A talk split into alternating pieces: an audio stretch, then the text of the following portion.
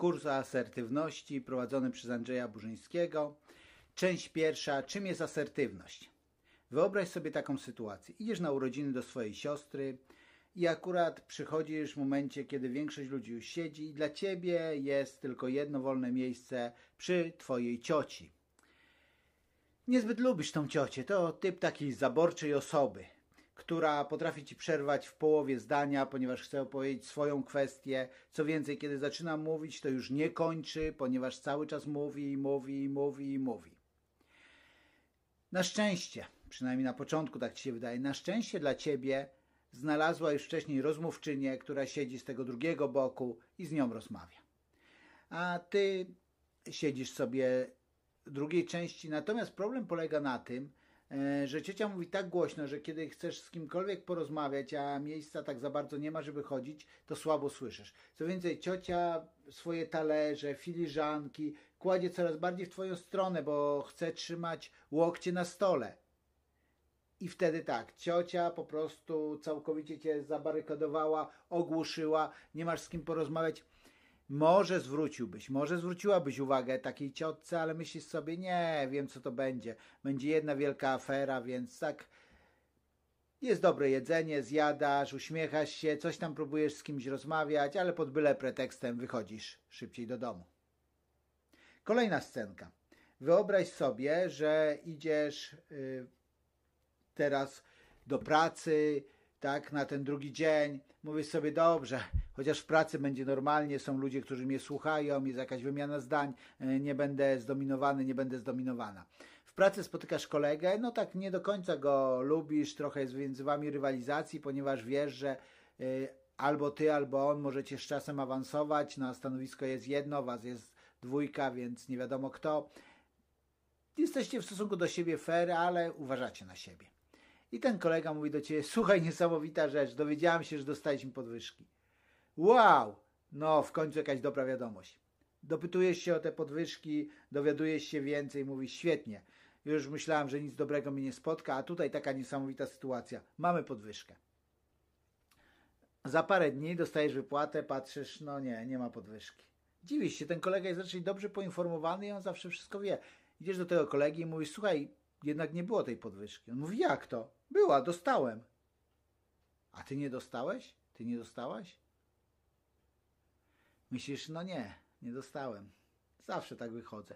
Jest krócej w pracy, to ja wprowadzałem, wprowadzałam go w to stanowisko, a okazuje się, że on dostał podwyżkę. Projekt robiliśmy razem. Kolejny dzień. Kolejne podobne sytuacje. I potem czasami ludzie nie widzą związku i zadają sobie takie pytania, czemu moje życie jest takie przeciętne? Czemu nic się nie dzieje w nim takiego ekscytującego? Dlaczego nie mam jakichś satysfakcjonujących relacji? Dlaczego nie potrafię odnaleźć tego, co mnie w ogóle w życiu kręci, co mnie interesuje, jakiegoś hobby, jakiejś pasji? Dlaczego w pracy mnie nie awansują? Mnóstwo takich pytań, a człowiek nie widzi jednej rzeczy, że suma tych drobnych ustępstw sprawia, że stajesz się człowiekiem, który stłumił siebie i swój potencjał i swoją osobowość. Pozostaje ból. Ból, o którym amerykański pisarz Waldo Thoreau powiedział: Wielu ludzi prowadzi życie w cichej desperacji i nigdy nie wyśpiewa swojej pieśni. Wielu ludzi prowadzi życie w cichej desperacji i nigdy nie wyśpiewa swojej pieśni. No dobrze, mówisz sobie, ale przynajmniej nie idę po trupach do celu, przynajmniej to nie jest tak, że nie liczę się z innymi ludźmi, to nie jest tak, że przeze mnie ktoś płacze.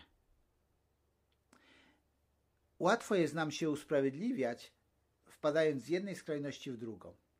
Ale w, tu nie chodzi o tę skrajność, chodzi o to, żeby żyć asertywnie. Co to znaczy? Asertywność to szacunek do siebie oraz umiejętność stawiania granic oraz szacunek do, um, do innych i umiejętność respektowania ich granic. Za chwilę to powtórzę. Ale zobacz, jedna rzecz to te obrazki trzy z urodzin, z pracy i z tego zastanawiania się, czy życie ma sens, czemu moje życie jest przeciętne, a druga skrajność to jest ta, w której mówisz, ale przynajmniej nikogo nie krzywdzę, nikt przeze mnie nie płacze. Jest środek, temu środ tego środka będziemy się uczyć. Natomiast moje pytanie brzmi tak, czy naprawdę nikt przez ciebie nie płacze? Płacze przynajmniej jedna osoba. Płaczesz ty sam, ty sama. No może nie jest aż tak dramatycznie w twoim życiu, tak? Nie chcę też przesadzać, ale chcę powiedzieć, że czasami mówimy, to nie jest dramatyczne, to jest mała rzecz, co, że ktoś mi nie wydał dwóch groszy w sklepie, co z tego, że ta ciocia przytłumiła wszystkich na imprezie, co z tego, że on dostał podwyżkę, a nie ja. No właśnie, te małe co z tego buduje wielki mur, który odgradza nas od prawdziwego życia. A więc powtórzę, asertywność to szacunek do siebie oraz umiejętność stawiania granic, oraz szacunek do innych i umiejętność respektowania ich granic. Czyli sztuka asertywności to jest sztuka życia w zgodzie ze sobą oraz pozwolenia, aby inni też żyli w zgodzie ze sobą samym. Teraz porozmawiamy trochę o szacunku, a później dopiero porozmawiamy o granicach i umiejętności ich stawiania i respektowania. Szacunek do siebie oznacza robienie tego, co jest dobre dla ciebie i jednocześnie nie krzywdzi innych. Tak? Szacunek do siebie to jest robienie tego, co jest dobre dla ciebie. To jest oczywista rzecz.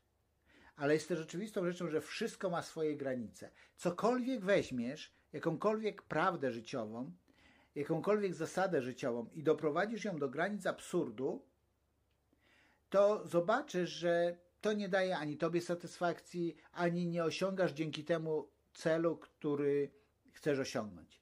Dlatego jest granica w szacunku do siebie.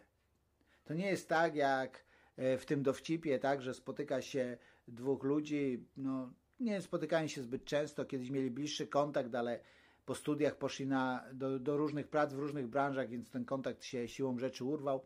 I jeden z nich patrzy na drugiego i mówi: Słuchaj, stary, wydaje się taki załamany, a widziałem coś na Facebooku, że zaręczyłeś się niedługo ślub. On mówi: No tak, i to właśnie mnie załamuje. Mówi: A co się stało? Czy to jest tak, że nie wiem, wpadliście i teraz musisz brać, czy ty jej nie kochasz? O co chodzi? On mówi: Nie, bardzo ją kocham, wszystko jest w porządku, jeżeli chodzi o nią. Nie jest w porządku, jeżeli chodzi o mnie. On mówi: Ale o co chodzi? Mówi, nie, no nie powiem ci tego. No to chodź na piwo. Pierwsze piwo, drugie piwo, trzecie piwo, rozwiązuje mu się język i mówi, słuchaj, mam już swoje lata, a ja ciągle się moczę w nocy. On mówi, nie, stary, to najwłaściwsza osoba, której mogłeś powiedzieć, to jestem ja. Mam szwagra, świetny facet, a poza tym kapitalny psycholog. Pomoże ci. Myślę nawet, że już pierwsza wizyta ci pomoże. I on mówi, dobra, daj, dał mu numer telefonu. Za tydzień ten kumpel dzwoni do niego, mówi, stary, zapraszam cię na piwo. Tym razem ja stawiam, twój szwagier mi pomógł. On mówi, wow, tak się zastanawia. Mówi, no wiedziałem, że mój szwagier jest dobry, ale nie myślałem, że aż tak dobry. No i okej, okay, przychodzi, spotykają się, tak, siedzą przy tym piwie i mówi, co, i szwagier ci pomógł? Tak, wiesz co, jedna wizyta i mi pomogła, już nawet nie muszę przychodzić drugi raz. On mówi, wiesz co, powiem ci, że no zaskoczył mnie in plus szwagier, no polecałem go, wiedziałem, że jest dobry, wielu ludzi o tym mówi, ale czy możesz mi zdradzić, co on ci takiego powiedział, że przestałeś się moczyć? On mówi, nie, nie przestałem się moczyć, ale teraz jestem z tego dumny. No właśnie, więc nie mówię o takim szacunku do siebie, kiedy nie masz powodu, żeby mieć szacunek do siebie. Twój szacunek do siebie to jest robienie tego, co jest dobre dla ciebie, ale granicą tego jest niekrzywdzenie innych. widzisz, ludzie, kiedy nie są asertywni, czyli ta skrajność pozwalają, żeby inni, mówiąc obrazowo, zdeptywali ich życie, to nie są asertywni z kilku powodów, ale główną jest zawsze obawa. Ja powiem o trzech głównych obawach, jakie człowiek może mieć. Pierwsza obawa: ludzie przestaną mnie lubić. Pamiętasz tą historię, od której zacząłem? Urodziny, tak, i ta ciocia. Są takie relacje, w których wiesz, że no właśnie, wiesz, albo wydaje ci się, że wiesz, że gdybyś był sobą, gdybyś powiedział, co naprawdę myślisz, co naprawdę uważasz, no to ta osoba może przestać cię lubić. A na tyle ta relacja jest dla ciebie ważna, tak ważna, bo w ogóle jest ważna, albo ważna, bo nie wiem, nie masz innych znajomych, albo ważna, bo masz w tym jakiś swój interes, że nie chcesz mówić. Więc często to się zaczyna tak, że poznajemy kogoś, gdzieś tam rozmawiamy, nie chcemy powiedzieć swoich prawdziwych przekonań na temat nie wiem, polityki, religii, życia, wychowywania dzieci, zdrowia, filozofii, jakiegoś filmu, którym się wszyscy zachwycają, a ty się akurat nie zachwycasz i przytakujesz. No i to jest w porządku, tak? Jakby nie znamy kogoś dobrze, więc to jest pewien rodzaj gry.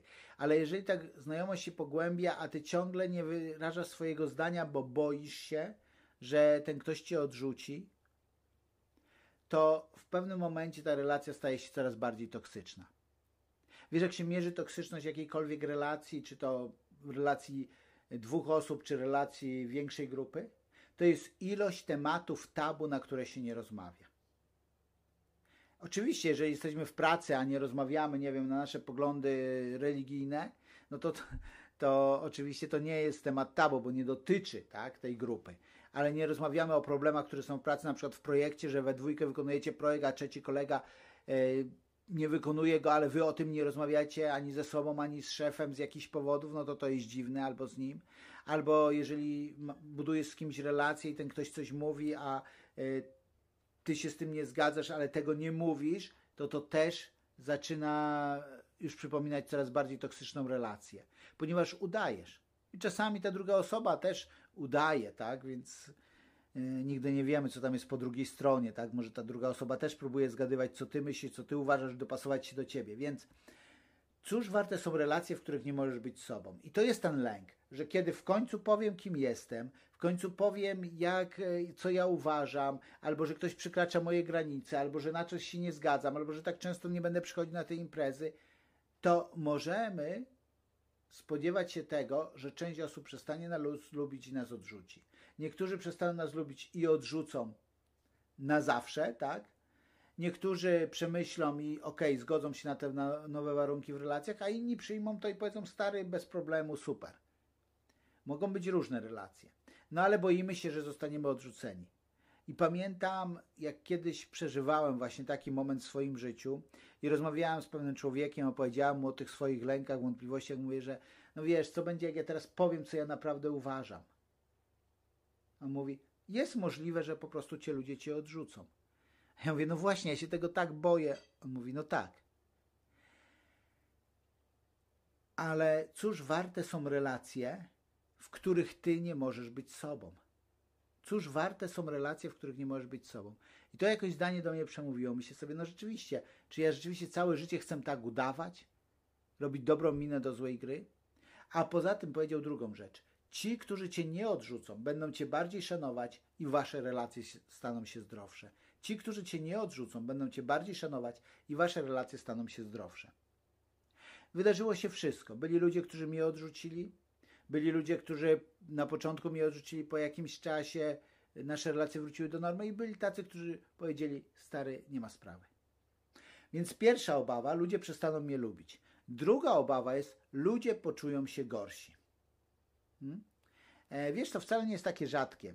Czasami udajemy głupszych niż jesteśmy, żeby inni byli zadowoleni, jak to powiedział kiedyś mój znajomy, który obracał się w takim kręgu ludzi, powiedzmy, gdzie wykształcenie nie odgrywało dużej roli i zrobił sobie zaocznie studia.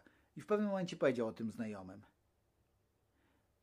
I oni mówi, stary, dlaczego tego nie mówiłeś wcześniej? Co więcej, dwóch z nich później poszło też na studia zaoczne.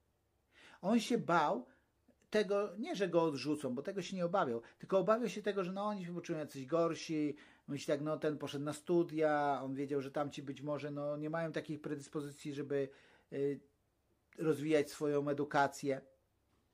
No właśnie, my myślimy, że oni się poczują gorsi. A skąd to wiemy? A może właśnie ci ludzie poczują się zainspirowani? Może właśnie to, że ty pokażesz swój potencjał, oni sobie pomyślą, wow, ktoś z mojego środowiska zrobił taki wyłom, rozwinął się, to może ja też zrobię taki wyłom i rozwinę się. Takie zdanie, które powiedział John, John Eldridge, które też bardzo lubię. W swojej książce Dzikie Serce, polecam tą, tą książkę, powiedział tak. Pokaż ludziom, kim naprawdę jesteś i pozwól im się z tym zmierzyć.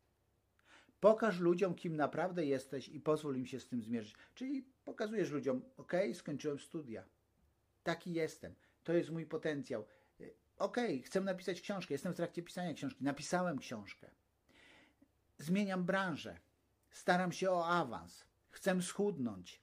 Chcę pozwiedzać trochę świat. Mówisz o swoich aspiracjach, o swoich marzeniach i wiesz, że dla niektórych to może, to wiesz, nie chodzi o bufonadę, gdzie ty się chwalisz przed innymi, tylko dzielisz się z innymi. Nie musisz się obawiać, tak?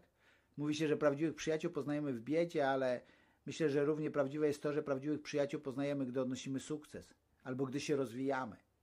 zobaczysz, że wielu z nich zainspirujesz.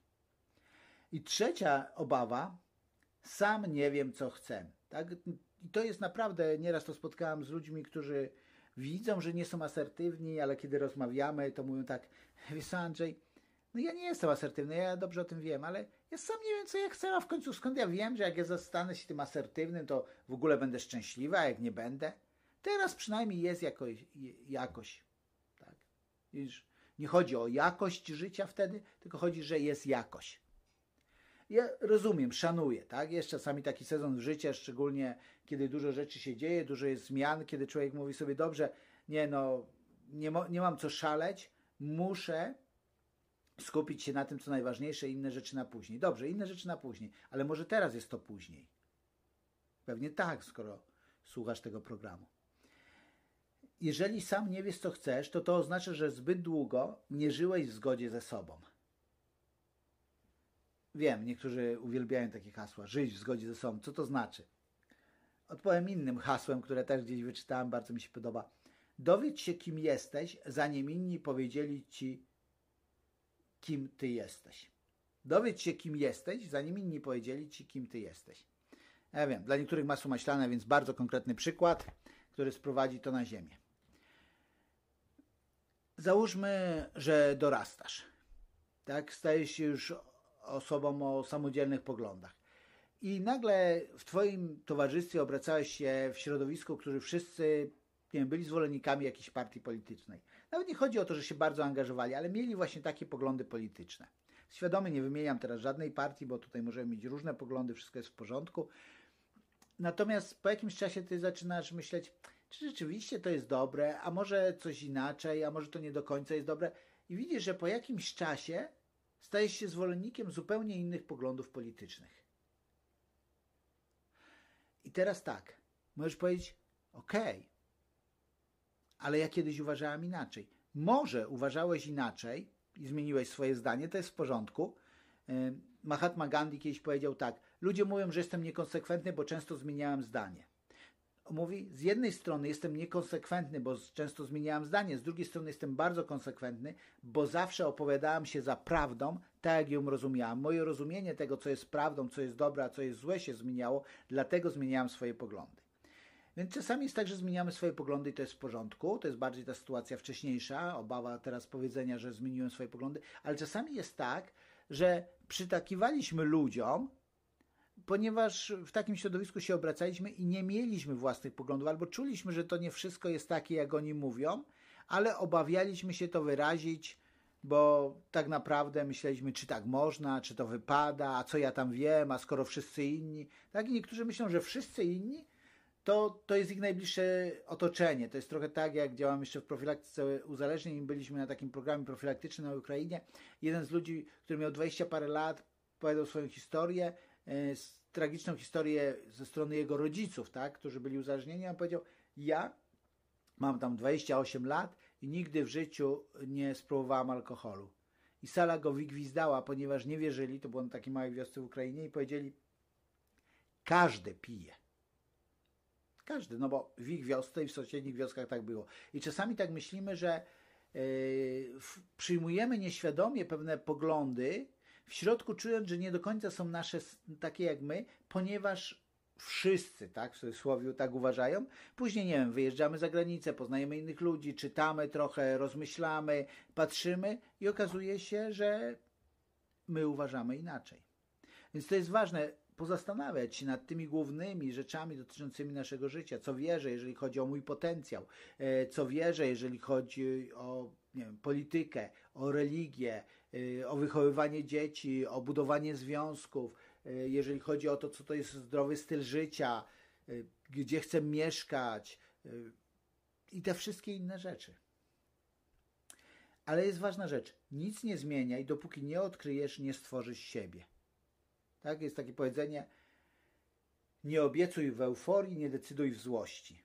I ono szczególnie w takich sytuacjach jest bardzo prawdziwe. Zmieniamy siebie, czy stwarzamy siebie, jak to mówią niektórzy na nowo, tak? I teraz w takiej sytuacji jest łatwo zachwycić się jakimś inną ideą polityczną, jakąś inną ideą religijną, jakimś innym podejściem do zdrowego stylu życia, jakimś innym sposobem zarabiania i wszystkim teraz mówić takim się tak, to ma być tak. Nie. Niech przyjdzie czas, ugruntuj swoje poglądy, zobacz pierwsze owoce tych nowych poglądów i ludzie zobaczą owoce Twojego życia i zdecydują, czy im to odpowiada, czy nie. Ale nie zmieniaj niczego radykalnie, dopóki sam na nowo nie przemyślisz, nie odkryjesz, nie stworzysz siebie i powiesz, tak, tak uważam, taki jestem, w tą stronę będę iść. I Viktor Frank, człowiek psychiatra, tak, który przeżył obóz koncentracyjny, powiedział tak: To nie ty powinieneś pytać, jaki jest sens Twojego życia, to ty jesteś o to przez życie pytany. Czyli niektórzy ludzie właśnie tacy mówią, no ale ja bym chciał wiedzieć, jaki jest sens mojego życia, ja bym chciał wiedzieć, jaki ja naprawdę jestem, ja bym chciał wiedzieć, jaki jest potencjał. Okej, okay, odkryj to. Ktoś powiedział, że jeżeli masz w sobie jakiś ból egzystencjalny typu ja też chciałbym tyle zarabiać, ja też chciałbym podróżować po świecie, ja też chciałbym mieć takie relacje, ja też chciałbym być zdrowszy, to często to jest ból potencjału, który jest w tobie, a którego w sobie nie wyzwoliłeś z różnych powodów. Więc to, do czego Cię zachęcam, nadaj swojemu życiu sens. Ustal, co jest dobre dla Ciebie, co jest właściwe dla Ciebie, co Ty w ogóle chcesz. I dopiero jak to ustalisz, przemyślisz, zacznij to wprowadzać w życie. A więc trzy obawy przed byciem osobą asertywną, którą mówiliśmy. Ludzie przestaną mnie lubić. Cóż, warte są relacje, w których nie możesz być sobą. Taka jest odpowiedź. Drugie, ludzie poczują się gorsi. Skąd wiesz? Może ich zainspirujesz. Taka jest odpowiedź. Trzecie, sam nie wiem, co chcę. Odkrywaj siebie, żeby zdecydować, kim chcesz być. Ale jest też druga strona. Kiedyś e, na jednym z takich treningów, ja dużo pracowałem z ludźmi współuzależnionymi, taki był trening interpersonalny, który prowadziłem. I w czasie tego treningu jedna z osób powiedziała tak: Słuchajcie, przez długi czas wydawało mi się, że to ja jestem ofiarą w tym związku, ale widzę, że ja z ofiary stałam się katem. I zaczęłam mówić o konkretnych wydarzeniach z życia, które to potwierdzały, o jakichś faktach. I teraz ludzie, ci wszyscy w grupie, bo każdy mógł dać informację zwrotną, zaczęli tej osobie mówić, słuchaj, nie, my cię znamy, znamy, cztery dni byliśmy razem, czy pięć na treningu interpersonalnym, my cię znamy, e, ty taka nie jesteś, nie, to nie jesteś ty, nie, no co ty, ty jesteś tylko ofiarą. I ta osoba widzę, że coraz bardziej ma łzy w oczach i zaczyna im tłumaczyć, a oni coraz bardziej ją przekonują. Ja mówię, stop. Stop. To, że ta osoba coś odkryła, co według niej jest znaczące, to nie zmienia faktu, że ona była ofiarą w tym związku. Ale ta osoba zobaczyła, że przeszła na drugą stronę, że teraz ona, będąc wcześniej ofiarą, staje się teraz katem. Pozwólmy tej osobie zmierzyć się z tą prawdą. Ta osoba się wtedy rozpłakała, mówi dzięki Andrzej, bo czułem się już taka przytłoczona. Więc czasami musimy uważać, bo o wiele łatwiej zauważyłem, że ludzie mówią, tak, to y, ja nie jestem tą asertywną osobą, wszyscy wchodzą mi na głowę i tak dalej. Ale bywa tak, że to jest prawda, ale to nie jest pełna prawda. Że my też jesteśmy ludźmi, którzy nie rozumieją innych i nie pozwalają innym robić tego, co jest dla nich dobre, a nie krzywdzi nas. Tak? Musimy uważać na to. Ale dlaczego, e, dlaczego tak postępujemy? Podam trzy najczęstsze powody. Pierwsze, ktoś mówi, mam większe doświadczenie i wiem lepiej. Ja wiem lepiej, co będzie dobre i złe dla tej osoby. Okej, okay, i załóżmy nawet taką sytuację, że naprawdę wiesz lepiej. No dlaczego nie? Może tak być, że naprawdę wiesz lepiej, co jest dobre, co jest złe dla tej osoby. Ale pytanie, kiedy człowiek się lepiej nauczy? Kiedy jest wspierany, czy kiedy jest kontrolowany? Bo jeżeli jest kontrolowany, to będzie się buntował i świadomie będzie odrzucał to wszystko, co ty chcesz, ponieważ będzie chciał być inną osobą niż ty, tylko z tego powodu, żebyś ty go nie kontrolował, nie kontrolowała, i ten człowiek tak naprawdę nie tworzy siebie, tylko tworzy odwrotność ciebie w sobie. Tak? Chce być inny. A z drugiej strony, jeżeli stanie się uległy i będzie robić, to w ten sposób uzależniasz tą osobę od siebie. Ta osoba widzi o, gdzieś tam poczucie takiej mniejszości jest, o, ja jestem do niczego, gdyby nie mój mama, tata, mój partner, mój przyjaciel, to on mi wszystko doradza, to dzięki niemu. Tak? Wspierać ludzi, a ich kontrolować, to są dwie zupełnie różne rzeczy. Tak? Więc musisz o tym pamiętać, żeby pozwolić ludziom dokonywać świadomie wyborów.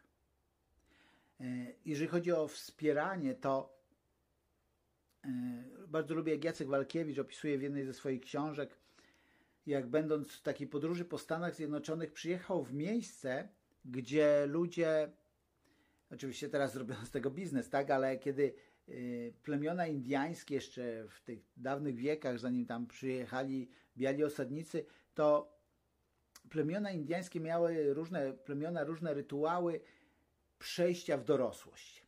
Jednym z tych rytuałów było trzy dni nieustannego tańca. No i to przetrwało. Oczywiście dzisiaj to wygląda inaczej. Ci ludzie nie wszyscy są pochodzenia indyjskiego, tak? Jest tam też lekarz, który dopuszcza do, takie, do takiego trzydniowego nieustannego tańca, jest tam karetka pogotowia i tak dalej. No jakby zupełnie innych to jest formie, ale powiedzmy, że istota tego została zachowana, tylko forma jest może bardziej cywilizowana, dopasowana do współczesnych warunków. No i ci ludzie, kiedy tak sobie tańczą, tańczą, tańczą, e, to czasami upadają z wycieńczenia. I wtedy ta starszyzna, która temu się przygląda, e, staje wokół takiego człowieka, zaczyna podskakiwać i śpiewać taki jeden wyraz Ikhakima.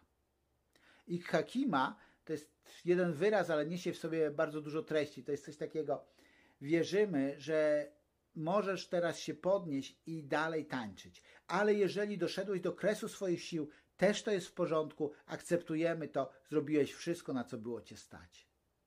To jest właśnie wsparcie. Oni go nie podnoszą, oni mu nie mówią, czy ma wstać, czy nie. Oni mówią, jesteśmy i wspieramy cię w twojej podróży. Drugi powód, dla którego nie rozumiemy innych i przez to nie pozwalamy im robić tego, co oni uważają za dobre, a nie krzywdzi nas, ewidentnie widzimy, że ten ktoś robi błąd i wiemy, że konsekwencje będą duże. Oczywiście częścią wspierania jest to, że mówisz człowiekowi, słuchaj, są ta, mogą być takie i takie konsekwencje. Słuchaj, ryzyko jest duże. Słuchaj, nieraz to przerabiałem i opowiadasz. Natomiast zasadą, której warto się trzymać, jesteś odpowiedzialny przed człowiekiem, ale nie jesteś odpowiedzialny za człowieka. Tak? Nie wiem, czy to jest jasne. Jesteś odpowiedzialny przed człowiekiem, żeby mu to powiedzieć, ale nie jesteś odpowiedzialny za to, co on zrobi. To jest trochę tak, jak niedawno znajomy mi opowiadał, że jego syn, dosyć dobry uczeń albo jeden z lepszych uczniów w szkole, mówiąc wprost, w klasie maturalnej, y, na początku klasy maturalnej powiedział mu, tato, nie będę chodził do szkoły. I ojciec powiedział mu tak, okej, okay, twoja sprawa, ty decydujesz, ty wiesz, że masz maturę, ty decydujesz, czy do niej podejdziesz i od ciebie zależy, jaki będziesz miał wyniki. Więc jakby całą odpowiedzialność przerzucił na syna, powiedział, jak chcesz. No ale pamiętaj, że mówimy to o człowieku, który jest w klasie maturalnej, tak? Bo to trochę inaczej jest z mniejszymi dziećmi. Natomiast y, ten jego syn powiedział, ok, dowiedział się, jakie jest minimum, ile musi być w szkole. Na niektóre przedmioty rzeczywiście chodził, ponieważ uważał, że tam się czegoś dowie. Ale zdał maturę jak? Najlepiej w całej szkole. ojciec pozwolił mu ponieść konsekwencje. To nie zawsze skończy się źle. A nawet jak skończy się źle, to czasami to, że coś się skończyło źle, wyszło na lepsze tej osobie, niż gdybyśmy uchronili ją od tych konsekwencji, a ona dalej by miała pragnienie tego, żeby, żeby to coś zrobić, to coś złego. Więc później może wymyślić jeszcze gorszą formę. Więc pozwólmy ludziom ponosić ich konsekwencje.